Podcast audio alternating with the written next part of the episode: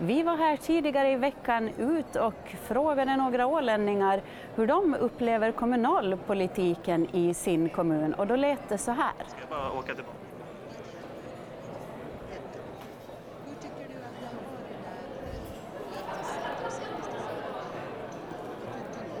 Okej, ja. Det är lite små viljor hit och dit, precis som det ska vara tycker jag, för att det ska utkristalliseras så att säga en, en, en, en linje i olika sammanhang. Då. Vilken tycker du att blir den viktigaste frågan de kommande fyra åren?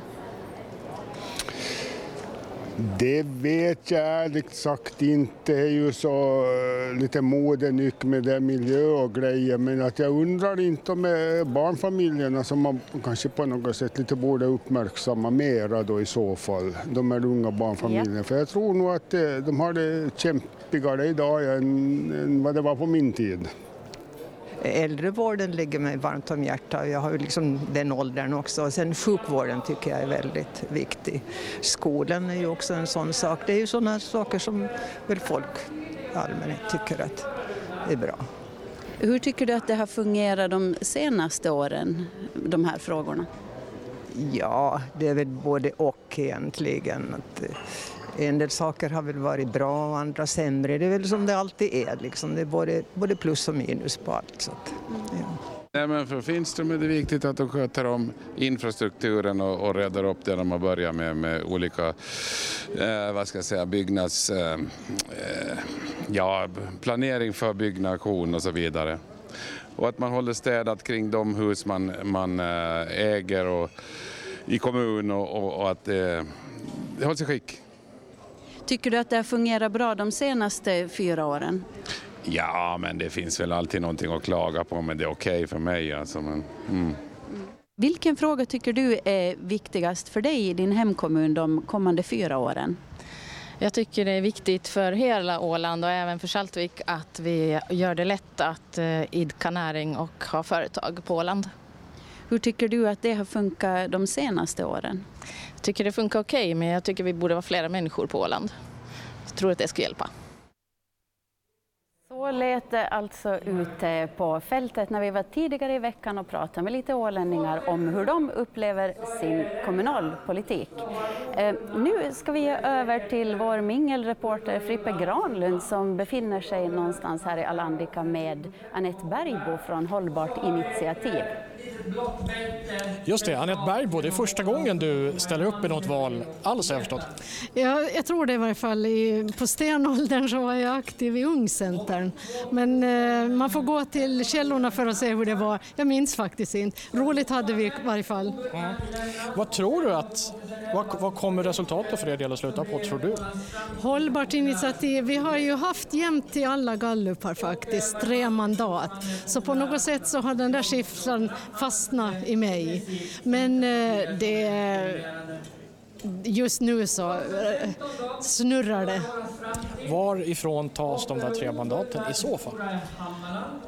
Ja, jag tror att de eh, tas kanske ganska jämnt av då, att det är svårt att veta. För det här med hållbarhetsarbete och klimatet, det är någonting som inte har varken vänster eller högerstämpel, utan det förstår vi alla. Och det har märkts i den här eh, valupptakten att eh, alla partier nästan har dammat av sin politik när det gäller miljö och klimat. Det brukar vara så när det kommer nya partier så att man, man, man plockar upp de frågorna också och gör dem till sina egna. Jo, det har ni märkt det också? Jo, det stämmer. Vi, det vi, våra idéer har lanserats av andra och det tycker vi att det är bra. Därför att vi har ju sagt att vi ska göra det här tillsammans. Vi måste göra det tillsammans. Och eh, om det är någon som attraheras av våra idéer så är det ju fantastiskt. Okej, så en röst på ett parti som satsar på klimatet, det är en, röst, jag menar, det är en bra röst för er hur som helst? Då. Det är det, så måste vi väl tänka, eller hur? Tycker inte du också det? Jag är fruktansvärt neutral i frågan. Du är det. Men, tack så mycket Anette för att du var med oss. Eh, tillbaka, tror jag, till Nina Smeds i eh, fåtöljen där borta. Ja, här sitter jag i fåtöljen och väntar på att få upp en gäst hit eh, till soffan. Så jag tänkte att vi kanske eventuellt här emellan kan höra lite vad Siv Sandberg och eh, Hasse Persson Bru och Anki Karlsson sysslar med. Ja, vi sitter ju och lyssnar och följer den här valvakan såklart. Dumt vore ju om vi höll på med annat. Eh, Siv Sandberg, vi hörde just Anette Bergbo här, då talesperson, en av två ska vi säga, för Hållbart initiativ som tar ny kraft. Det fanns ju en liten konstellation av det även förra valet i en valmansförening. Då var det fem kandidater endast, nu är de 18. Ja, och de har ju faktiskt, som det ser ut, ganska goda chanser att få in någon om man ska tro det som sägs på förhand. Vad tror du? Galluparna säger ju den saken att de kunde få in någon. Det återstår ju att se. Det är ganska svårt att komma in och slå sig in som ett nytt parti, men de har ju satsat mycket. De hörde till de som var tidigast ute i valkampanjen det här, redan i somras med sina frågor. Och det, här, det ligger ju en, en nordisk och europeisk trend att miljöpartier är väldigt i ropet just nu och det har stigit fram nya partier både i, det här, i Norge och Danmark och idag är det val i Schweiz som man tippar att de gröna kommer att vinna. Så att det skulle vara liksom den här europeiska valvinden att Hållbart initiativ också klarar sig. Men sen är det ju förstås ett sånt här läge att någon måste överge sina gamla, sitt, sitt gamla parti och det, här, och det är frågan om det här att varifrån de nya väljarna kommer. Att det, här, det återstår att se. Tror du på en Greta Thunberg-effekt? Visst finns det en Greta Thunberg-effekt och framförallt bland yngre väljare så är ju klimatfrågorna jätteviktiga. Och det här, överlag så uppfattar jag nog att den här valrörelsen på Åland har präglats ganska mycket av de frågor som annars också finns svävar runt i politiken i världen just nu. Och klimatfrågan är en av dem. Hållbar utveckling, det är ju någonting som de inte kan kompromissa med, säger de här från partiets led. Men eh, däremot så har man ju varit lite, vad ska vi säga, diplomatiskt i många andra frågor och eh, sett till att ha ganska goda relationer till alla partier egentligen i andra frågor. Är det medveten strategi tror du från deras sida för att vara påtänkt i alla läger, i alla valresultat som en regeringspartner? Det kan ju vara det också. Och sen har de på gott och ont det, det utgångsläget att de inte är belastade av att ha makt tidigare. Och på gott syns det ju att man kan ta fram nya frågor och man kan ta fram gamla frågor på ett lite nytt sätt. Sen på ont kanske det syns på det sättet att, att de kanske verkar lite, lite naiva i förhållande till, till vad man kan uppnå med politik och, och hur mycket politiken som är, redan är på något sätt liksom intecknat i lagstiftning och i, i budgetar och i sånt som redan existerar. Och där kan man nog hända att det blir en liten eh, realitetschock sen när man på riktigt hamnar in i lagtinget och behöver kompromissa. Men de har åtminstone inte stängt några dörrar ännu, som det ser ut. Så eh, vi kanske har ett nytt parti på det viset i lagtinget så småningom. Kanske vi har det och det här, förra gången så kom ju det här åländsk demokrati in på, på flyktingfrågan som då var väldigt aktuell för fyra år sedan och, och nu har ju miljöfrågan kanske på det sättet varit, varit den, den, den, fråga som har, har på något sätt liksom hängt i luften så att, att det, men det, så, så att det, frågan är aktuell men sen gäller det alltid att, att på något sätt liksom kunna kapitalisera på och verkligen få röster och att, att tillräckligt många personer får tillräckligt många röster. Det handlar ju det om i, i vårt valsystem. Så är det och nu, nu tror jag att vi kan vända kameran åt ett annat håll för nu har Nina Smeds fått besök där i sina heta stolar. Ja, det har jag. Anette Holmberg Jansson, partiledare för Moderat Samling på Åland, sitter här med mig. Och eh, först måste jag ta upp en detalj här. Anette, visa dina naglar. Ja. Du har blåa naglar och Moderat M. Ja, eller hur. Så. Mm. Mm. Har du haft det hela kampanjen? Ja, faktiskt. Mm. Man måste ju gå all in. Ja, Nej, men det, var, det var en rolig detalj mm. och jag trodde inte att så många skulle märka det, men väldigt många kvinnor märker och tycker att det är roligt. Mm. Sådär. Tycker det var fint. Så. Men eh, hur känns det nu? Det är ungefär en halvtimme kvar tills eh, sanningens minut mm. kommer. Eh, hur känner man som partiledare när man sitter här och väntar? Det är ju första gången för mig. Mm. Och jag, jag, måste säga att det är en väldigt annorlunda känsla än att sitta här som en kandidat. För, för mig är det faktiskt viktigast att det går bäst för, för partiet. Ja, om det går bra för mig så är det en bonus. Men för mig är det viktigt att, eh, att, att det går bra förstås för oss, men sen så känner jag också att jag vet ju, det var faktiskt Bert Häggblom som har sagt det, att, att vara partiledare på valvakan är, är, en, det är en tuff kväll för det är så många, oavsett om det går bra eller dåligt, som blir ledsna. Och så är det. Vi har ju haft ett, en, en jättehärlig stämning i partiet när, när vi har kampanjat. Vi har haft så roligt tillsammans. Och, och det tycker det, vi, har, vi har över 40 stycken här ikväll och jag tror aldrig vi har varit så många. Och, och, och det var så här kramar och alltså, så här, innerlig härlig känsla. Och, och jag vet ju att det finns sådana som, som hoppas och tror att man ska komma in som inte kommer att komma in. Och, men, men hur många val, är det ditt andra val? Nej, det är faktiskt mitt tredje, tredje val. Så, det det. Eh, så att det, men som du sa, att det, ansvaret är större när man är, ja. är partiledare. Det är det. Och jag, jag, jag, vill ju så himla gärna att det ska gå bra för partiet. Eh, och jag, jag, tycker att det har, de sista, vi har ju kampanjen en hel del, och de sista veckan så känner jag att det har hänt någonting. Det, det, det känns det har varit mer positivt, det har inte varit lika mycket så här, irritation på regeringen utan det har mer varit ryggdunk och ja, mm. ungefär så här, hoppas att det går bra för er. Så. Men ni har, ni har ganska blygsam målsättning om man ser här. Ni har fem mandat i, i lagtinget som vi har nu och målet är fortsatt fem mandat. Hur kommer det sig? Ja, när jag i, i den där sammanhangen när jag blev intervjuad så var det ganska turbulent. Och, och, för det här var ju i juli månad tror jag intervjun mm. gjordes och, och då kände jag sådär att ja men bara vi håller fem så är jag nöjd. Men nu kan jag säga att jag hoppas verkligen att vi får sex mandat. Mm. Det, det, det, står, det återstår väl att se lite grann vad, vad förhandsrösterna säger. Men jag har en känsla av att, att det har gått bättre från förhandsröstningen och tills nu. Mm.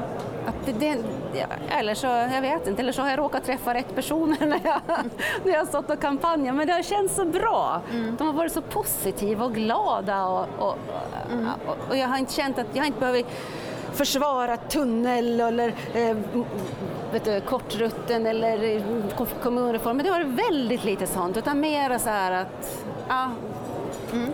Hejarop. Men eh, i alla fall så, så, får vi veta, er, er målsättning är en sak och hur, hur ålänningarna röstar det är en helt annan sak. Såklart. Jo.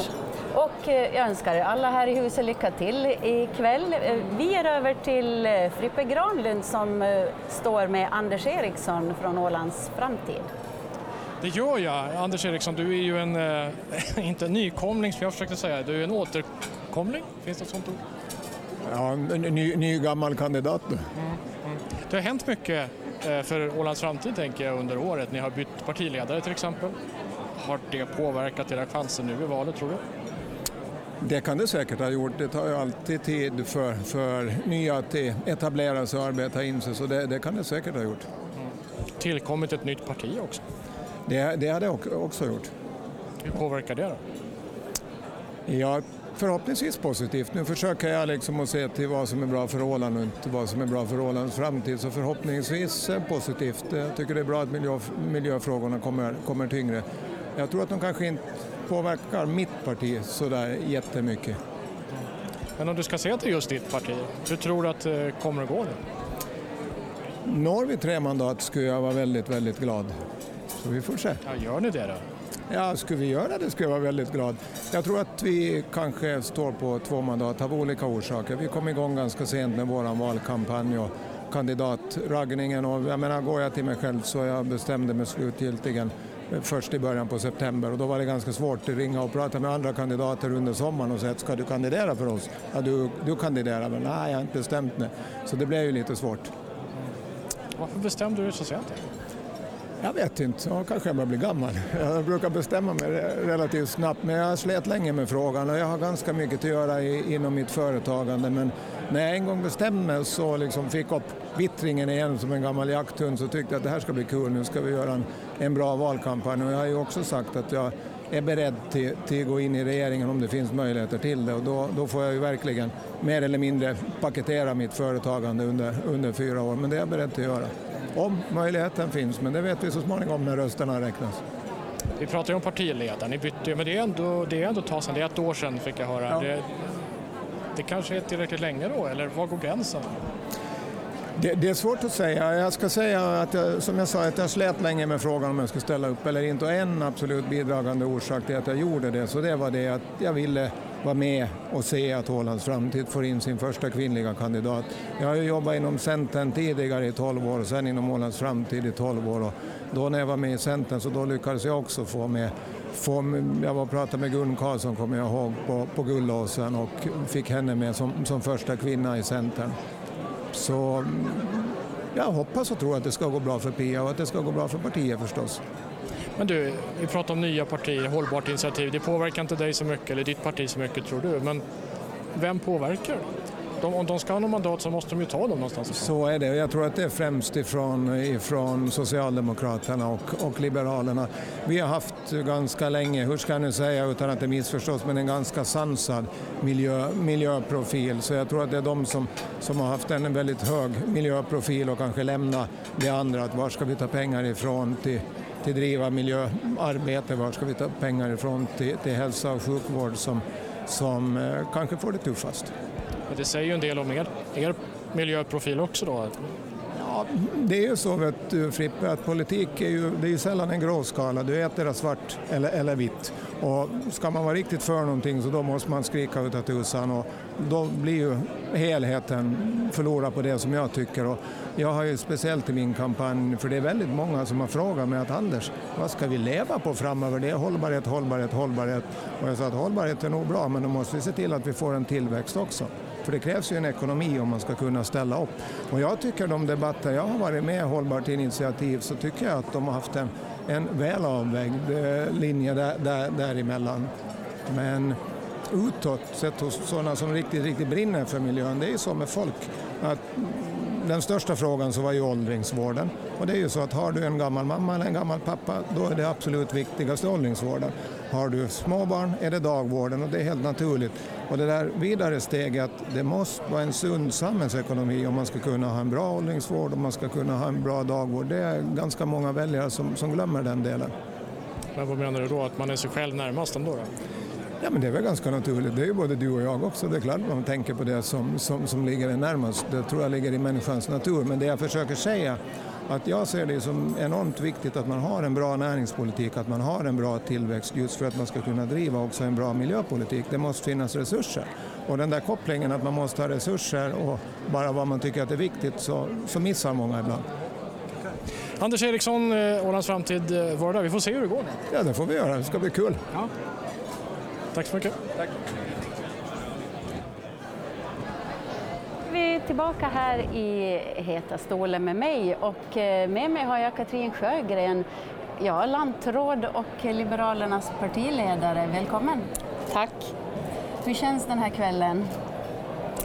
Ja, det är en kväll med många dimensioner förstås. Och om jag talar precis öppet från hjärtat så är det inte speciellt trevligt utan det är, det är anspänningar i luften och det, det är sista kvällen på en, en väldigt lång resa. En valrörelse är ju väldigt lång och intensiv och vi har små förhållanden också i de politiska föreningarna, de politiska partierna på Åland. Så att, sen finns det ju eh, folk i alla partier som har jobbat stenhårt och har förväntningar och förhoppningar. Och, Känner du att ansvaret vilar speciellt tungt på dig för att du är partiledare för det största partiet plus att du har, har lett regeringen där flera partier också är på sätt och vis beroende av, av hur, hur du har skött dig? Absolut, jag känner ett, ett, ett stort ansvar, det, det, gör jag förstås. Och mestadels för mitt eget parti och för Liberalerna och för de många kandidater som, som har jobbat väldigt hårt och väldigt intensivt. Mm. Eh, och om vi ser här på, på era mål efter valen, ni har sju mandat nu och målet är sju mandat. Stämmer det fortfarande eller har, har, du, har målet ökats eller sänkts? Jag, jag tycker det känns helt okej okay att säga att, att, att, eh, en kväll som den att man ska försöka hålla sina mandat. Det är ju på det viset också att, att eh, som regel så, så, får man ju också känna på att man har haft regeringsinnehav och det har ju varit väldigt mycket svåra frågor under den här mandatperioden så att jag skulle vara väldigt, väldigt glad om vi skulle kunna hålla våra mandat. Hur sov du senaste natt? Sov du gott eller var du nervös? Ja, som regel så sover jag ganska gott men, men eh, jag somnar. Men sen vaknar man där i varje timmen och så börjar tankarna snurra så att jag sover väl helt okej okay, men inte sådär jättegott. Mm. Okej, okay. men eh, tack så mycket. Jag säger som till de andra, lycka till ikväll. Och tack, tack. Vi, snart vet vi, är vi lite klokare. Snart är vi lite klokare. Mm. Eh, och eh, Anke och Hasse får eh, ta över här en stund tillsammans med Siv. Ja, det finns mycket att prata om naturligtvis. Vi har hört lite olika partiföreträdare. Anette Holmberg Jansson, Moderaterna. Vi hörde Anders Eriksson som är lite comebackande för Ålands framtid. Inte partiledare på något sätt, men i alla fall Eh, en liten eh, ja, ryggrad i partiet att luta sig mot. Eh, Katrin Sjögren här nu då, sittande landråd och partiordförande. Den också som är klart mest anspänd av den här trion. Och det har väl att göra med Siv, att det är hon som har mest att förlora här kanske? Överlag så är det ju alltid tuffare att gå till val ur en regeringsposition än att vara i opposition. Och det här, den här sittande landskapsregeringen har haft det ganska tufft. De har haft stora politiska ambitioner, de har också förverkligat dem, men de har också fått ganska mycket stryk och det här mycket kritik mot det. Och det här, under de här senaste månaderna så har det ju varit helt uppenbart så att det har funnits, de har trängts in i ett hörn, alltså ta nu den här med elhybridfärjan och sen också det här fiaskot med, med det här internetröstningen som då det här var skugga då faller i någon mån på, på regeringen också. Så att det, här, det kan inte ha varit lätt att vara lantråd och minister under de här valkampanjerna när man ändå ska försvara sin politik men ändå vill vinna tillbaka mandat och, det här att, att då låta bli att hemfalla åt någon typ av populism så, det här, så är det ju ganska tufft. Ja, hur tycker du att de har lyckats då, eller lantrådet Katrin Sjögren och, och Liberalerna, har de lyckats att inte hemfalla åt populism? Jag tycker nog, det enda som kom var ju den här frågan om Ålandskomposten och det här stödet till Ålandskomposten när man kritiserar, det här är en regeringskollega Camilla Gunell, det här för det beslut som togs på, förvaltningsnivå. Alltså det, det är kanske lite det enda överstrampet jag ser mellan regeringspartierna under de här senaste senaste veckorna. Annars har ju regeringen varit ganska konsekvent och också konsekvent sådana gånger där man skulle till och med ha kunnat vinna lite politiska poäng på att luckra upp sina beslut. Så, det här, så jag förstår att man är nervösa där och det här kanske också räknar med att det är en seger om man håller sina mandat eller inte tappar så många mandat. Men hur mycket kan man säga att det här är ändå är på något vis ett, ett styrkebevis för att man liksom har vågat Eh, stå fast vid det som man har tyckt har varit de rätta besluten? det är ett styrkebevis, men man har ju haft en ganska smal majoritet i lagtinget och det speglar ju, avspeglar ju sig på många beslut att det här med facit i hand så kanske det här man kunde ha försökt förankra sina beslut lite bredare. Men det är ju lättare sagt än gjort för att man försökte ju till exempel med kommunreformen att, att få en parlamentarisk beredning men oppositionen ville inte vara med på det. Så det har ju också på ett sätt varit mer tacksamt att vara opposition för att man har kunnat, liksom, regeringen har varit ambitiös och konsekvent så har det också gett utrymme för en, en ganska tuff och konsekvent oppositionspolitik. Vi ska väl komma ihåg det också att det var inte speciellt mycket som gjorde eh, Katrin Sjögren till valets vinnare här eh, för fyra år sedan. Det var 227 röster det skilde eh, ner till Centern som var näst största parti. Centern som nu har varit i opposition, slår lite mer ur underläge, bara 227 rösters marginal, lite nya aktörer som samlat krafter. Det, det, ja, vad lutar det åt? Nej men så är det ju och, det här, och Centern har ju haft lika många mandat i, i lagtinget som, som det här Liberalerna har haft så att, att det har ju varit på det sättet. Det här, men jag tror att vi kommer nog att landa i en ganska liknande situation också framöver för att det är ju ett ganska brett, utbrett fenomen det är också att det här skillnaden mellan partierna blir mindre och mindre och, och då får vi många jämnstora grupper som vi har haft i det här lagtinget och som vi sannolikt också kommer att få i nästa lagting. Det var en eh, knapp seger vid det förra valet, alltså även om eh, Katrin Sjögren då var en av valets personliga stora vinnare, har ju varit den kandidat som lockat eh, tredje flest röster de senaste två valen. Eh, nu däremot så har vi eh, Frippe Granlund, vår mingelreporter med en helt annan person vid sin sida. Var ska jag titta? Mm, ja, en helt annan person. Du kan titta på mig, Nina Fällman. Eh, Välkommen till vår ja, provisoriska studio här. Eh, du kanske är den politiker som man har talat mest om under den här mandatperioden. Ja. Vad kommer det sig?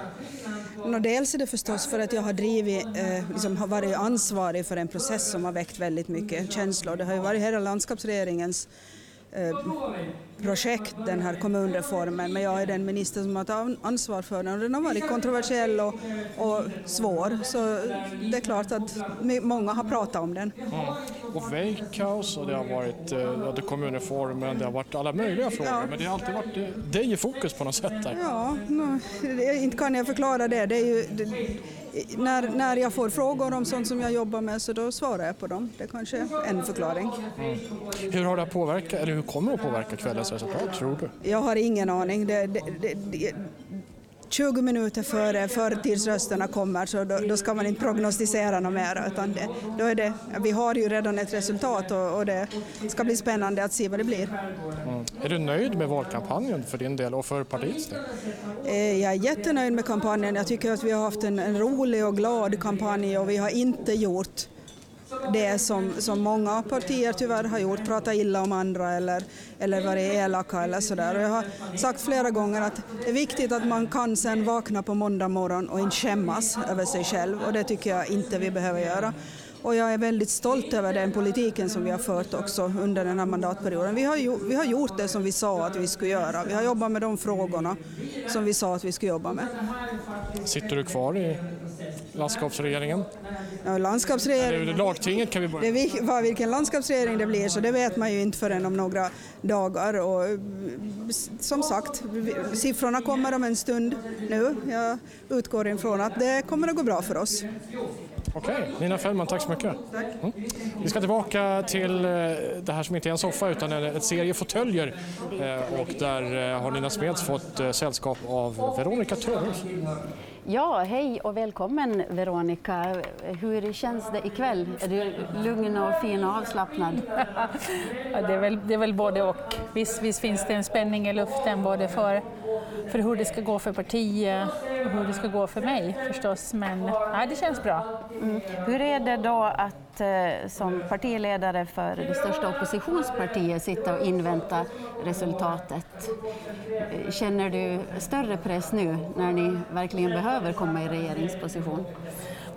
Det där är både, både och faktiskt. I, I valet 2015 så gjorde jag ju personligen ett kanonval. Men då hamnar ju partiet i opposition.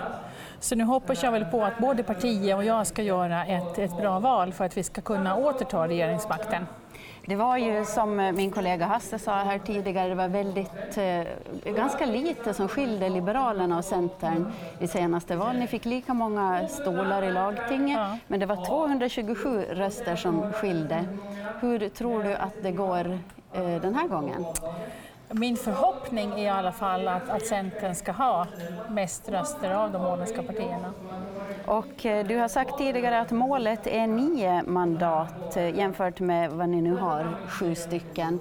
Hur ser det ut med den, det målet? Jag, jag har varit lite djärv där, det, där vill jag tillstå att jag har varit lite djärv. Men men samtidigt tycker jag att man måste våga satsa. Man måste våga visa vad man vill och jag, jag tycker vi är värda nio mandat. Mm. Hur har kampanjen gått? Vad har folket på gatan sagt? Jag tycker den har gått jättebra. Vi satt otroligt mycket tid här i slutet på föregående år och början på året på att lägga upp hela kampanjen och jag vet att mitt mitt verkställande utskott nog tidvis tyckte kanske att jag var planerings... Jag var mycket för planering och logistik och när allting ska falla in och hur får man bästa spin-off-effekterna och så här. Men de har varit otroligt duktiga och jag tycker att vi, har, vi är nöjda med vår kampanj. Om det sen räcker hela vägen eller inte, det är upp till vad Ålands folk vill. Mm. Är du nervös inför resultatet? Nej, inte egentligen, för jag tycker inte att vi har kunnat gjort en bättre kampanj än vad vi har gjort. Vi, vi har jobbat idogt, vi har funnits på olika sociala medier, vi har funnits ute i verkligheten, vi har varit tydliga med vårt budskap och är det så att Ålands folk vill någonting annat än det vi kan leverera så då får vi leva med det. Så är det en demokrati. Mm. Och sen imorgon brukar det vara så att alla gamla synder är glömda och eh, du och eh, lantrådet Sjögren eh, kan stå och krama varandra och börja om, vända blad. Tror du att det funkar så?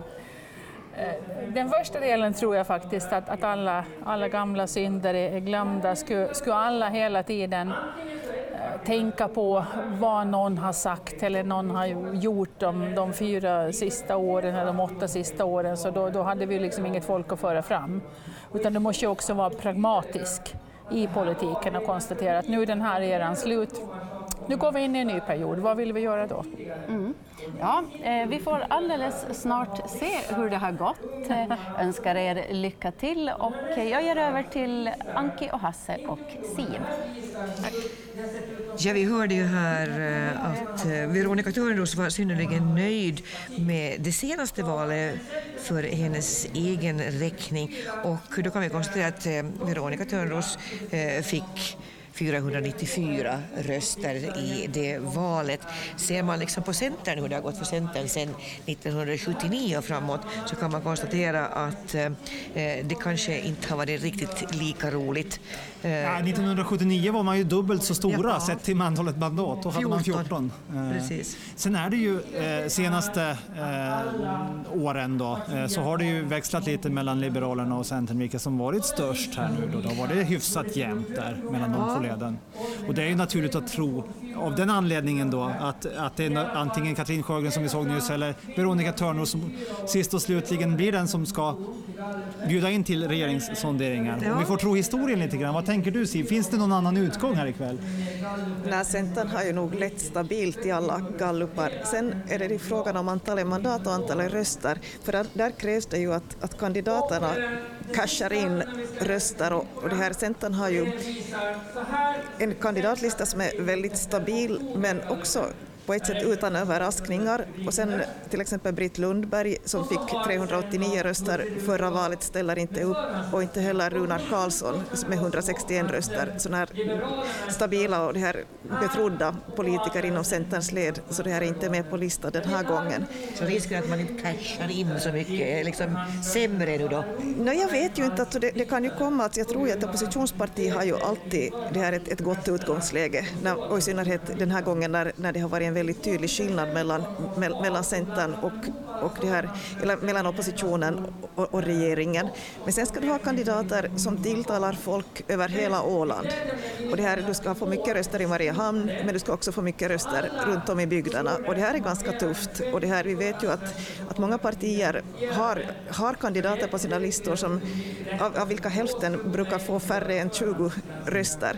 Så att det, det hänger ganska mycket på de här toppnamnen och att de kan appellera till en bred publik. Och det, här, det ser vi först liksom om en halvtimme, att vem det är som börjar, börjar här, det här är, är de här människorna som, som lockar, lockar väljare. Mm. På samma sätt, jag förlåt Anki. Men... Jag tänkte bara säga att, att det är sex minuter kvar tills klockan är eh, åtta Ja, det är olidligt. Ja, det är, åtminstone om man ska tro på den där klockan. Precis, men på samma sätt som du då säger Siv att Centern har tappat vissa eh, namn här, på samma sätt har Liberalerna mist också Viveka Eriksson som ju var en riktig röstmagnet, 338 röster vid senaste valet.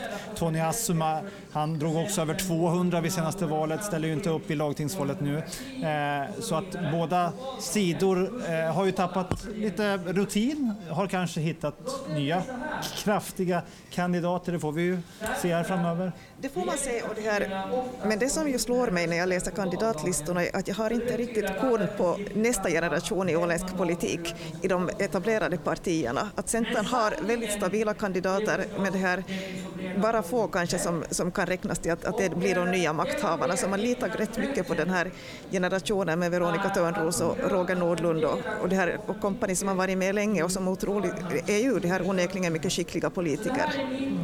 Men att en valvinst borde ju ge ut utrymme för att, att få in också en ny generation.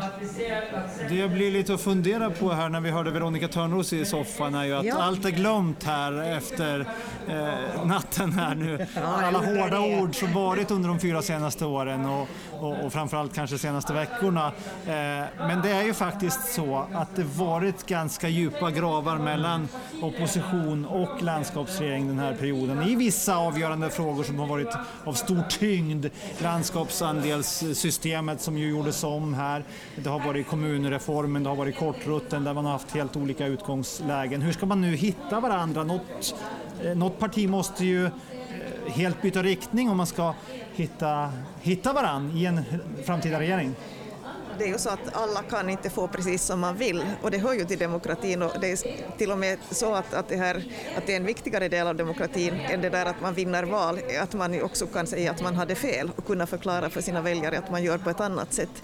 Men det blir tufft att ska man till exempel sy ihop en ny kommunreform så måste båda parter backa ifall det blir en regeringspart med partier från den nuvarande regeringen och den nuvarande oppositionen. Så det här, och det är väl kanske liksom görligt. Sen med det här med, med fågeltrafiken, den är tuffare för att där är så mycket pengar inblandade att där är det svårt att göra på två olika sätt eller kompromissa särskilt mycket där. Geografin ser ut som geografin ser ut kan man konstatera så lakoniskt. Eh, vi har några minuter kvar för klockan hinner bli åtta. Och jag undrar om inte Frippe Granlund har någon som står och väntar på att han ska bli pratad med. Anders Holmberg tror jag. Så är det. Jag står här med, med Anders Holmberg. Nu såg du dig själv på TV också. Ja, vi ser- ja, det, är lite det ser bra ut där. Ja, eh, just det. Hör du, eh, hur kommer det gå ikväll för, för ditt parti? Ja, men vi har ju hyfsade segerfeeling, förhoppningar. Vi siktar ju på fem mandat och eh, det är vårt mål. I galluparna som har varit så har vi ju legat där och hackat på det femte mandatet och vi hoppas verkligen att vi lyckas nå det ikväll. Vi var ju totalt uträknade förra valet då var det ju allt över ett mandat så var det en stor skräll då och då fick vi tre mandat. Så, så vi ser positivt på det här. Om jag skulle påstå att, Obuna har lite spretigt valprogram, håller du med om det alls? Nej, inte egentligen, utan det är så. Jag tycker att vi i år när vi har arbetat ut val, vårt valprogram så har vi 42 kandidater och, och det är så när vi jobbar med sakpolitiken att alla ska få komma med sina hjärtefrågor och sånt. Och jag upplever liksom att i år har arbetet med valprogrammet varit fantastiskt roligt. Det har varit otroligt givande diskussioner och, och har fått in många jag skulle säga, intressanta och duktiga människor i vårt parti som nu kandiderar. Och vi brukar ju vara lite så att obunden samling så är en plantskola, sen kanske man till nästa val är i ett annat parti. Så det, det, jag tycker det är roligt. Men innebär inte det att det blir ganska lätt att arbeta för sina egna, eh, sina egna personliga väljare och sina egna hjärtefrågor som är svårare men att så, arbeta med? Jo, men så kan det vara också. Men jag tycker ändå liksom att, att generellt sett så har det inte varit ett problem det där i årets valrörelse, att, att liksom alla drar åt samma håll. Eh, det är klart ibland att någon kanske tycker så om Fögletunneln, någon kanske tycker annorlunda. Men det ser vi också i de eh, stora partierna, du vet, regeringspartierna, att de är ju helt oeniga i många frågor. Eh, Du har ju, de flesta vet ju vad du jobbar med, men, men om du kommer in i lagtinget då, hur ska du eh, sköta det? Eh, nu är det ju så att valresultatet har inte kommit ännu. Och vi får Du måste väl- ha tänkt tanken.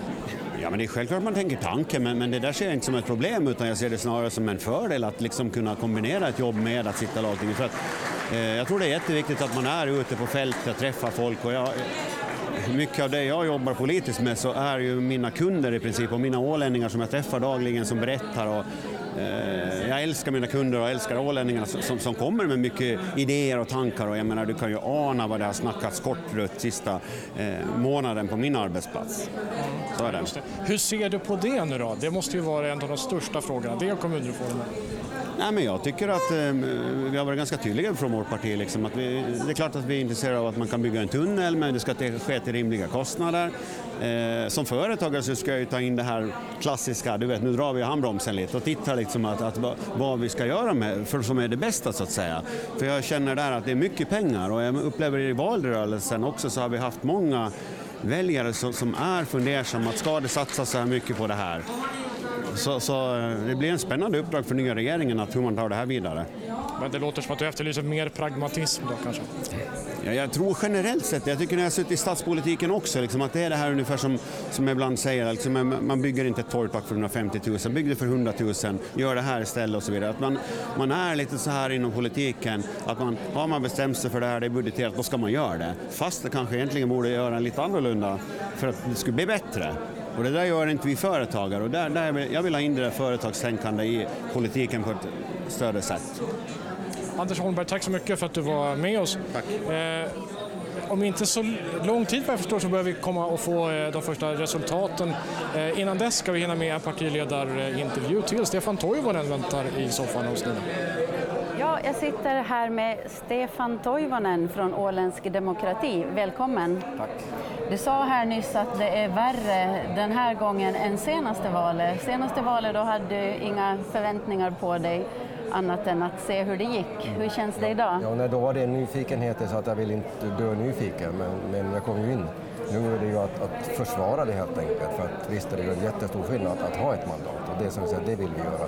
Sen är det också att vi ju lite, lite, lite kanske känner att vi kanske kan få en till, vilket skulle vara spännande. Men vi får ta det, väljarna som, som väljer. Så att blir det ett så får vi nöja oss med det, men blir det två så är vi väldigt glada.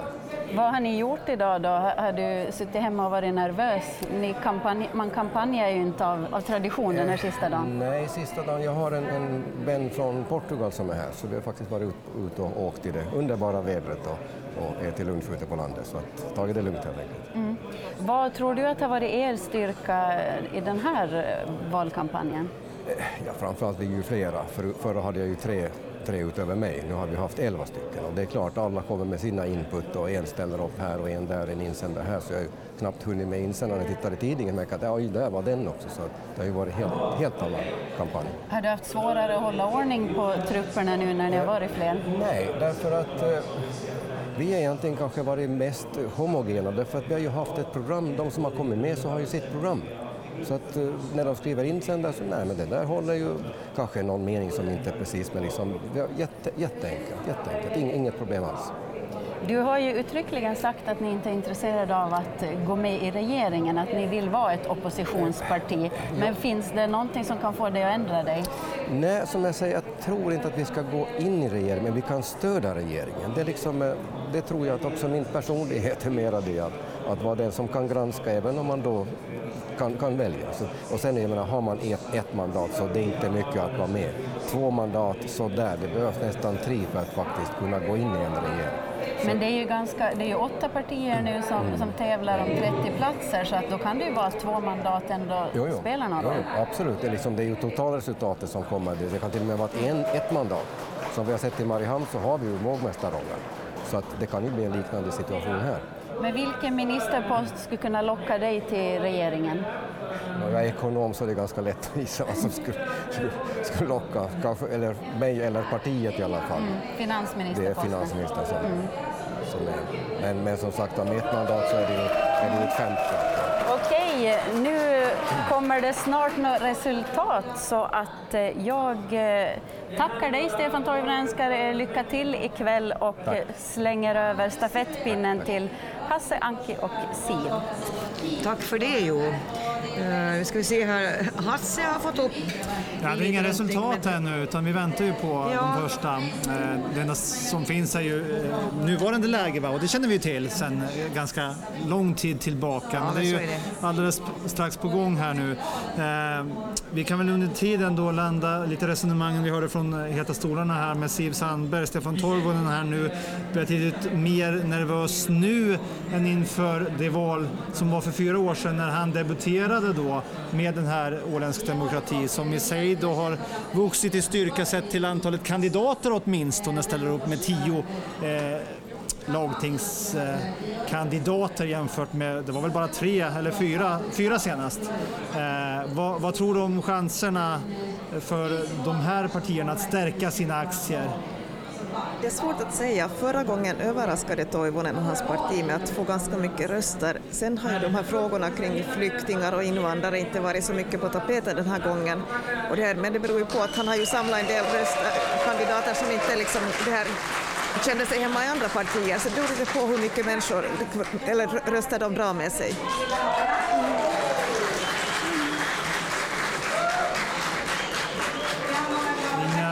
resultat ännu hos mig i alla fall och jag tror att det är lite annat de snackar om ifrån scenen här nu då. Eh, Ann-Kristin Karlsson, du får hålla koll du också Ja. eh, så länge här. Det försöker jag.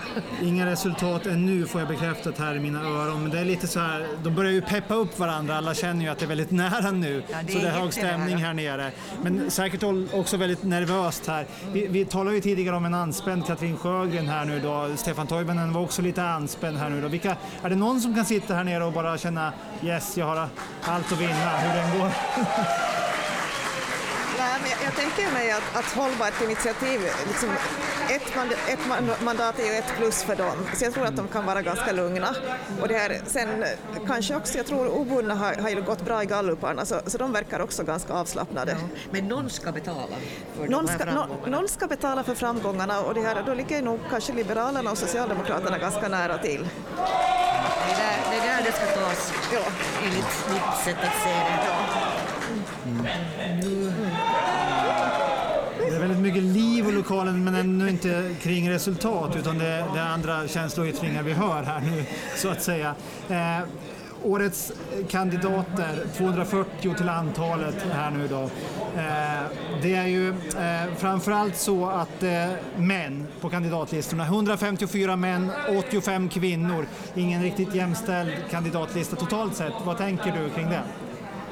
Det är ju lite konstigt faktiskt med tanke på att Åland har starka kvinnliga partiledare, ministrar, lantråd. Så den här liksom bredden bland kvinnliga politiker verkar vara ganska tunn och antalet kvinnliga kandidater har minskat. Vi ser också en polarisering mellan vad ska man säga, manliga partier och kvinnliga partier, där då framförallt de obundna och det här åländsk demokrati är väldigt mansdominerade. Sen finns det mera kvinnor i Hållbart initiativ, Socialdemokraterna och Liberalerna. Men det här så vi, vi har liksom någon typ av, av det här polarisering som har velat göra också med sakfrågor. Sen har det ju diskuterats väldigt mycket kring det här att att det här liksom tuffare debattklimatet som kommer lite överallt på sociala medier och i kommentarsfält skulle avskräcka kvinnor. Jag vet inte om det är så och i så fall så är det ju jättetufft men det här det är väl nog så att partierna har att göra ett, ett fotarbete när det gäller att arbeta upp potentiella kandidater för att man kan inte börja ragga någon månad på förhand utan, utan man, bör säkert börja genast när, när valresultatet är klart så borde man börja föda upp, föda upp eller liksom lära upp sina nya, nya potentiella politiker. Och de finns ju i kommunerna och de finns ju förstås i andra organ och att, att man faktiskt liksom jobbar för rekryteringen av både kvinnor och män. Så det ska egentligen börjas imorgon? Det ska egentligen börjas imorgon. Eh, det kanske inte riktigt så man tänker när man har en, en, en ändå ganska tung valrörelse bakom sig, att, att det borde vara nu man ska börja smida medan järnet ännu är lite varmt i alla fall. Det stämmer ju och sen har det ju väldigt mycket att göra också med den här vardagen i politiken. Om man får den bilden att, att det bara är gräl och att det tar jättemycket tid och att det är jobbigt så är det ju också en sak som gör att, att den som har att fundera att ska man ställa upp eller ska man göra någonting annat med sitt liv så kanske tycker att nej men det där gör jag inte, jag går hellre med det här i i tennisklubben eller ridklubben eller barnens aktiviteter istället för att engagera mig i kommunalpolitiken eller lagtingspolitik. Mm. Men är det så eh, överlag om man, om man tänker liksom, i, inte bara på Åland utan även Östan och Västernhav, så att det, det liksom har blivit ett så mycket tuffare klimat att eh, det verkligen är jättesvårt att, att få folk att engagera sig om man inte har varit med tidigare. Jag tror att ryktet är sämre än verkligheten. Att sen när man är inne i politiken så finns det ju kollegor som stöttar men, men ser man på det utifrån så kanske det verkar mer avskräckande än det är på riktigt. Då så ska vi lämna över till eh, Frippe Granlund som har en comebackande politiker eh, här nu då. I valet 2011 så drog han ihop hela 369 röster och blev femte bästa kandidat med det antalet röster. Eh, det handlar om Frille Karlström. Just det, här står jag med vi, eh, Fredrik Karlström. Jag pratade med eh, Ålands framtidskandidat Anders Eriksson. Han kom ju också tillbaka nu i det här, den här valkampanjen och det gör du också. Yes! Som gubbe under lådan. Varför ställer du upp igen? Nej, men jag har varit borta fyra år, och kom ur bubblan så att säga, ur politiken och in i verkligheten igen och kände att jag har liksom eh, laddat batterierna ordentligt. Jag var ganska trött, ska jag vara ärlig och säga, efter förra perioden. Eh, men efter de här fyra åren på, på sidan om lite så känner jag att nej, men ska man vara med och förändra Åland så ska man vara med i politiken. Liksom. Man gör inte så mycket från eh, sidbänken. Senast du kom in så gjorde du ju succé. Eh, Det var en riktig röstmagnet. Blir det så i den här gången också tror du? Oj, det, det är jättesvårt att säga förstås. Det är väljarna som avgör nu och eh, jag har ju inte gjort en jättestor kampanj kan jag ju säga utan jag har mera varit den jag är och, och gjort det jag gjort under alla år. Och gillar folk mig för åtta år sedan och tyckte att jag gjorde ett bra jobb i, i landskapsregeringen under de fyra år jag satt där så kanske jag kan gå bra idag. Men eh, sen är det väldigt många bra kandidater som har ställt upp och det är många som, som slåss om de här väljarnas röster. Så jag är ödmjuk och eh, får jag över 50 så är jag glad. Eh, Eh, Så, så då vet jag att det är i alla fall 50 personer som, som tycker att jag är en bra kille. Men du kör på den här skön snubb-kampanjen? Nej, alltså jag, jag, har ju, alltså jag har ju hållit på med politik i 20 år. Jag började första kampanjen 1999. Så jag anser att eh, man vet lite vad man får om man lägger sin röst på mig. Och vill ålänningarna ha mig, då röstar de på mig. Vill de ha någon annan så röstar de på någon annan. Och jag är ingenting som, som jag inte försöker vara. Eh, jag är mig själv och jag har varit det under de senaste 20 åren. Och, och eh, jag tror att det, det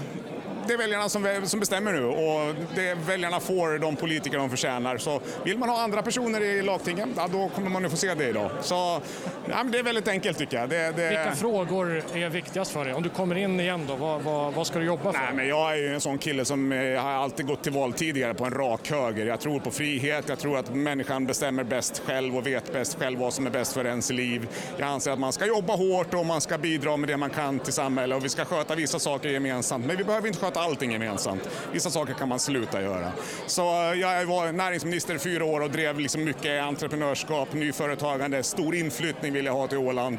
De grejerna kommer jag givetvis att, att det har inte ändrat, liksom. det sitter kvar i själen och i ryggraden. Liksom. Även om den är opererad två gånger sedan sist eh, så, så är jag liksom det som jag står för. Liksom. Och det där tror jag folk vet som har följt mig och som har liksom röstat på mig sedan 1999 då, alla de val jag har ställt upp i. Och, eh, man, blir nog, man kommer nog inte att bli så jätteöverraskad tror jag om man har röstat på mig och man får in mig igen. Eh, jag kommer att driva de frågorna som står mig nära och som jag vet att, att eh, jag kan eh, bidra med också. När du var inne senast så blev du inte riktigt kompis med bönderna. Har du vunnit tillbaka dem? Ärligt talat så har jag fått väldigt mycket ryggdunk av väldigt många bönder den här eh, senaste, senaste åren och säger att eh, du hade nog ganska mycket rätt i det du drev. Eh, vi kommer liksom att sakna dig om du inte kommer tillbaks. Så jag, jag vet att jag har en hel del, framförallt kanske yngre eh, bönder som röstar på mig som, som även då stod i, i demonstrationståget så har kommit efteråt nu och sagt att du har min röst Fredrik. Så det känns ju faktiskt ganska häftigt att eh, man står där på toppen och det blåser som mest och alla är arga och några år senare när man får lite distans till det så ser man att ja, men det man gjorde var kanske inte fel ändå och väljarna och de som drabbades då av det eller som varit liksom, eh, påverkade av det efteråt ser att det var kanske rätt. Det är viktigare med liksom, eh, investeringar och framtidstro, det, liksom, det betyder någonting. Det finns ju en faktor som inte fanns när du ställde upp senast, det här Greta Thunberg-effekten. Hållbart initiativ, hur tror du att det går för dem? Jag tror det kommer gå bra för dem. Jag tror att de har minst två mandat, de kanske till och med går upp till tre mandat, det tror jag. Jag tycker de har gjort en jättebra valkampanj, de har varit seriösa, de har haft bra svar på alla frågor, alla de debatter jag har varit på så har jag blivit imponerad. Eh, Jag, har, jag lyfter på hatten, Eh, de, de har varit jätteduktiga och jag tror att det kommer gå bra för dem. Och vem tar de rösterna ifrån tror du? Vad sa du? Vem tar de röster ifrån då? Jag tror de tar största del faktiskt från socialdemokrater och en del från liberaler, men förmodligen över hela fältet en liten del. Då. Eh, De som, om, man tittar på mig personligen så kanske de som har röstat på mig inte riktigt är de som är de första hållbarhetsinitiativväljarna, men det där vet man ju förstås aldrig. Men eh, jag tror det kommer gå bra. Slutligen då, kommer du in? Många tror det. Eh, Jag är ödmjuk inför det, men jag, jag har ju nog, vi har gjort en sån här intern tippning eh, på jobbet och där har jag tippat in mig själv, om man får säga det. Så jag tror att det kommer att gå bra. Vilken högoddsare då. Ja. Vad sa du? Vilken högoddsare. Ja. att du... Okej, eh, vad bra. Vi ska lämna tillbaka till vår programledare Nina Smeds i studion. Tack så mycket Fredrik så mycket. Hagström. Ja, här sitter jag i min ensam... Här sitter jag i min ensamhet och eh, väntar på ett resultat och på sällskap. Men eh, Medan vi alla ännu väntar på resultat så får Hasse, Anki och Siv fundera på hur det kan gå. Ja, det gör vi så gärna. Vi spår i vår lilla kula. Det gör vi så gärna. Vi kan väl konstatera att vi, det vi väntar på nu och det som har sagts här i salen att det kommer komma inom kort, det är ju naturligtvis förhandsrösterna. Och tittar vi till förra valet för fyra år sedan, eh, då var det ju 5399 eh, ålänningar på olika håll här i vår värld som, som till att rösta eh, före valdagen. Eh, det eh, var ju rätt många röster det och det var ju en trend som har ökat det där med att rösta före valet. Eh, det är många som gjort det även i, i år, även om det har varit mycket snack här nu om den e-röstning som havererade kort in på att den skulle bli av. Eh, en e-röstning som drabbar de 7 procent av de röstberättigade som då är bosatta utanför Åland. Eh, ja, Siv Sandberg, du har säkert följt med i den här eh, lilla historien också och, och dragit dina egna slutsatser av det. Vad, vad är det? Hur stor påverkan har det sist och slutligen? Det här är en grupp, de här utlandsålänningarna, som brukar vara väldigt lata med att rösta. Så att det här, de hade väl tänkt sig att den här internetröstningen skulle ha gett ett större valdeltagande bland de som bor utanför Åland. Nu kan det väl hända att, att vi landar tillbaka på den här vanliga, ganska låga valdeltagande för, för de här utlandsålänningarna. Men det återstår att se. Det kan ju hända att här, den här uppståndelsen också ledde till att sådana som kanske hade legat på soffan annars valde att på pin rösta den här gången. Fast det blev krångligt på många sätt och vis. Fast det blev krångligt, men till den här diskussionen om, om den här e-röstningen så är det ju också, det har varit en, en, en typ av svekdebatt, men vi kan ju också tänka oss vilken typ av svekdebatt det hade varit ifall man hade fortgått med den här röstningen och det hade gått något fel och någon hade stört valdeltagandet på Åland för att det, det, var i Finland år 2008 hade, experimenterade man med, med det här elektronisk röstning i tre kommunalval och där var det en del osäkerheter med det tekniska med rösträkningen som gjorde att man fick ta om alla de kommunalvalen i Grankulla och Vihtis och Högfors. Så det skulle också ha funnits risker med att, att, att fortsätta och det här fullfölja det trots att man märkte att det fanns, fanns liksom en del, del, del tekniska fel. Så jag, jag bara skulle väl, vilja också tänka, vi, vi kan liksom som, som jämförelse tänka oss att vi, vilket det här himla hallå det hade blivit ifall, ifall det hade upptäckts sen, sen i efterhand, för det, det hade kunnat kullkassa hela valresultatet. Nu blir det så att, att de som kanske kunde ha röstat, det här fick lite svårare, svårare att, att ta, ta sig till valurnorna. Så av två onda ting så var det här det mindre onda?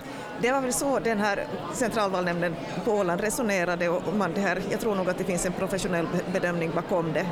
Sen kan man ju diskutera hur pass realistisk den här planeringen av hela processen var men att, men att givet att, att det här att någon kunde ha stört det åländska valet genom att hacka sig in i det här systemet så, så är det ju också ett scenario man, man måste beakta. Ett scenario som det talats om lite här nu då, jag vet att till exempel Harry Jansson, Centern, lyfte upp det, eh, är ju att eh, någon av de här eh, besvikna eh, ålänningarna i utlandet som inte känner att de fick chansen att verkligen ta del av det här valet, inte hann med helt enkelt, kommer bli så besvikna att man reserverar sig mot valresultatet. Och då finns det reservationer man måste hantera innan man kan fastställa ett eh, slutresultat. Det heter ju här att centralvalnämnden senast fyra dagar efter valet ska ha ett eh, valresultat, men, men kan det bli så att vi, vi sitter där eh, med, med reservationer som först måste behandlas? Men det hör ju till den normala proceduren i en demokrati att det ska finnas ett, ett besvärsinstrument och ett sätt att överklaga. Och det här det kan ju vara någon som inte blev insläppt i vallokalen som också kan klaga mm. eller inte fick rösta i, i den vallokal man hade tänkt sig. Så att, så att det här är det ju en möjlighet som, som måste finnas i en demokrati och nu kan det ju hända att, att det triggar någon att göra det. Men det, som sagt, det här centralvalnämnden har att, att agera och, och titta på de anmärkningar som kom och sen fastställer man valresultatet. Mm. Och vi väntar nu väldigt mycket på att det ska dyka upp lite resultat från den här förhandsröstningen, för det är de resultaten som vi kan få in. Det är ju bara några minuter sedan vallokalerna stängde runt om på Åland, så det var resultatet, eller de olika delresultaten som kommer från olika håll och kanter, får vi nog vänta på ett tag till. Men någonstans så tycker jag det skulle kunna vara intressant att, att det skulle börja dyka upp ett, ett förhands eller förtida röstningsresultat. Mm. Ja, nu hörde jag inte vad du sa exakt, jag bara nickar instämmande. Eh, Anke. Du lyssnar kanske på någonting annat i ditt öra? Jag har någon annan i mitt öra som också vill förmedla saker. Dessvärre inga resultat ännu. Eh, de kommer till er naturligtvis så fort vi har resultat. Eh, Anke, förlåt om det inte är svar på din fråga. men, men, men vi kanske kan ändå eh, påminna lyssnarna och tittarna om hur eh, fältet ligger här då med nuvarande styrkeförhållanden. Vad man har så att säga i mandatfördelning, vad man har att eh, vinna och förlora här då. Mm. Efter det senaste valet så, så fick ju Liberalerna och eh, Åländsk Center eh, sju mandat vardera i lagtinget. Moderat Samling Åland och Ålands Socialdemokrater fick fem mandat vardera och sen så var det ju då eh, Obunden Samling som lockade tre Eh, Eh, mandat och på något sätt återuppstod då igen här med Bert Häggblom som den stora eh, förgrundsfiguren och röstmagneten där då. Jag ska bara dra dem alla. Ålands Framtid som ju backade ett mandat eh, då Anders Eriksson ju inte kom in utan det var Axel Jonsson och Brage Eklund heter han väl, som, som tog hand om de två mandaten och sen då Stefan Toivonen som ledde in i lagtinget med Ålands Demokratis röster. Men Bert Häggblom ja, eh, han var ju den som fick näst flest personliga röster förra valet. Nu har han samlat ett ännu bredare startfält här i, i de obundna leden. Ännu fler namn på kandidatlistorna har slagit ur underläge i opposition eh, mot eh, en regering som haft det tufft. Vad, vad, vad tror du om hans chanser att stärka aktierna ytterligare? De har åtminstone många kandidater och, och det här obundna har ju varit det här ganska konsekventa också i sin, sin oppositionspolitik. Det är ju en del människor som hoppar mellan Centern och obundna och det här och mellan, mellan andra partier och obundna så att, att, det är ju en typ av, av samlingsrörelse för, för lite olika, typ, olika typer av åsikter. Ganska mycket den här liksom, åländska entreprenören tycker jag finns ganska väl representerad bland de som kandiderar för, för det här för obunden samling och obunden samling finns ju också ganska starkt ute i kommunerna, det här Eckerö, Hammarland, Saltvik, det här Mariehamn. Så att man har en plattform i varje fall och, och det här har på det sättet nog kanske stärkt sina aktier, åtminstone om man nu följer, följer debatten och följer hur, hur folk tänker. Så de kan göra ett bra val, är, är min bedömning. Åtminstone lika bra som förra gången och kanske till och med bättre på samma sätt som de uttryckte att det är en plantskola här och så går man över till andra partier. Det kan vara den omvända vägen också. Nu börjar det komma resultat här så att eh, vi är, ligger kvar här eh, i väntan på eventuella resultat här. Det förra var falskt alarm här. Falskt alarm. Eh, vi är lite ivriga här. Ja, vi vill ju så gärna förlåter oss för det. Men vi vill ju så gärna ha ett resultat här. Det vill alla där ute i salen också. Det, det, det är liksom ingen annan vilja där ute. Men eh, vi måste invänta det eh, innan vi kan presentera det. Eh, vi hade ju ett exempel förra valet till exempel då Lasse Hägglund som hade bytt från Centern till just obundna och dragit röster åt obundet håll istället. Så det finns ju den omvända vägen också, att man kan hitta dit. Det, det finns den omvända vägen och, och det här och, och, som sagt, det är de här ganska starka personerna och det här utifrån, jag skulle säga att den, den åländska entreprenören, om, om jag själv bildar mig en uppfattning om, om, om vad det är för människor så, så är det ju sådana som finns runt omkring och som, som det här har, har sina sakfrågor som, som de driver ganska, ganska, ganska kraftigt. Sen är ju Bert Häggblom en av de mera erfarna politikerna i, i lagtinget. Och det här, han är det här, helt, helt erkänt kunnig och det här också väl, har väl blivit ganska kompromissvillig. Så att, så att på det sättet så har, har han ju ganska, har, har kunnat samarbeta ganska väl med Centern också under den här nuvarande mandatperioden. Mm. Jag var ju med redan 1979 eh, för just Centern då och eh, nu är det frågan om vi inte har en första prognos här. Vi ska se här. Ja, det händer lite saker men vi har fortfarande inte riktigt samma bild som vi har här. Men eh, låt oss titta på det som vi kan snegla oss till lite. Uh, och det, uh, det, här är, det, här är, ja, det här är en preliminär mandatfördelning i lagtinget. Och om det är efter att Sottungas röster, förtida röster är räknade så, så kanske, jo det var Sottunga. Så då Ja, du får förklara de här siffrorna Anki, för jag begriper dem inte. Det, ja, det, det, det är inte så lätt att veta. Men eh, här skulle det då åländsk demokrati få in... eh, Ja, egentligen så är det eh, hållbart initiativ, Ålands framtid och, eh, och det här eh, åländsk demokrati som skulle vara utan mandat. Resten har fått lite mandat och du har fått fram ett Ja, det är samma- motsvarande. samma, eh, som vi nu inte ser på den där. Men nu ser vi de här. ett, ja. Ja.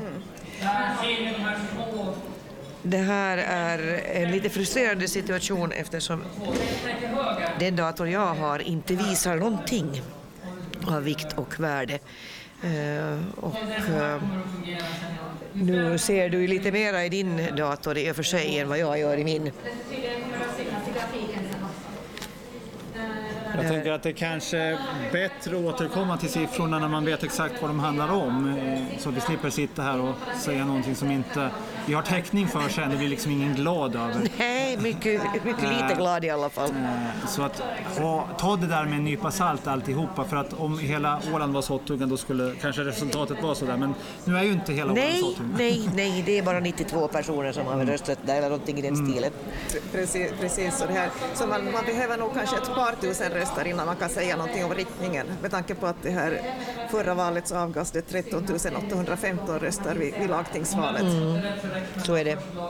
Så att därför så får vi vänta lite här.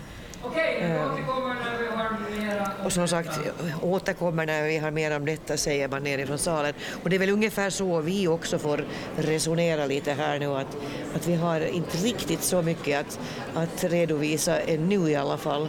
Nej, det vart ju inget jättejubel där ute i salen. Det var inte så många som begrep det där heller, känns det som. För då hade vi haft ett eh, centerjubel här med de, med de där siffrorna. Men, men de saknar ju eh, någonstans relevans för helheten. Eh, vi ska vara väldigt tydliga med att säga det. Ni som, ni som liksom sitter fortfarande med gapande munnar där eh, efter det ni såg. Att, eh, eh, det här är var långt val- ifrån det slut, slutliga. Eh, det som vi däremot kan konstatera med säkerhet då, det är ju att eh, av kandidaterna som eh, tävlar om rösterna i lagtingsvalet så är det ju 98 ifrån Mariehamn, 125 från landsbygden och skärgården skramlar ihop 16 lagtingskandidater. Det är ju en del skärgårdsbor som bara ställer upp i till exempel kommunalvalet där ute och är nöjda med det. Men, men lagtinget är ett lite större åtagande. Det är något fler än vad det var vid förra valet i skärgården men samtidigt har ju skärgården ett problem och det är ju att eh, locka så pass många röster att man får in en skärgårdsbo i lagtinget. Ja, det gäller ju att, att på något vis kunna enas i så fall om, om en enstaka kandidat, eller vad säger du Siv om det? Det är precis så. Skärgården har ju traditionellt sett röstat nästan mangrant och har, har liksom förstått sig på det här att koncentrera röster bakom sina egna kandidater. Men det är ju inte så att det finns kandidater från alla skärgårdskommuner heller utan, utan man behöver kanske liksom hitta någon favorit det här från någon, någon an, annan skärgårdsö eller, eller hitta någon annan. Precis. Jag får höra här att uh, Frippe Granlund nu har, har uh, general uh, konsuln för Sverige, Claes Hammar, på plats nere i salen. Vi ska höra vad de har att komma med här emellan. Mm.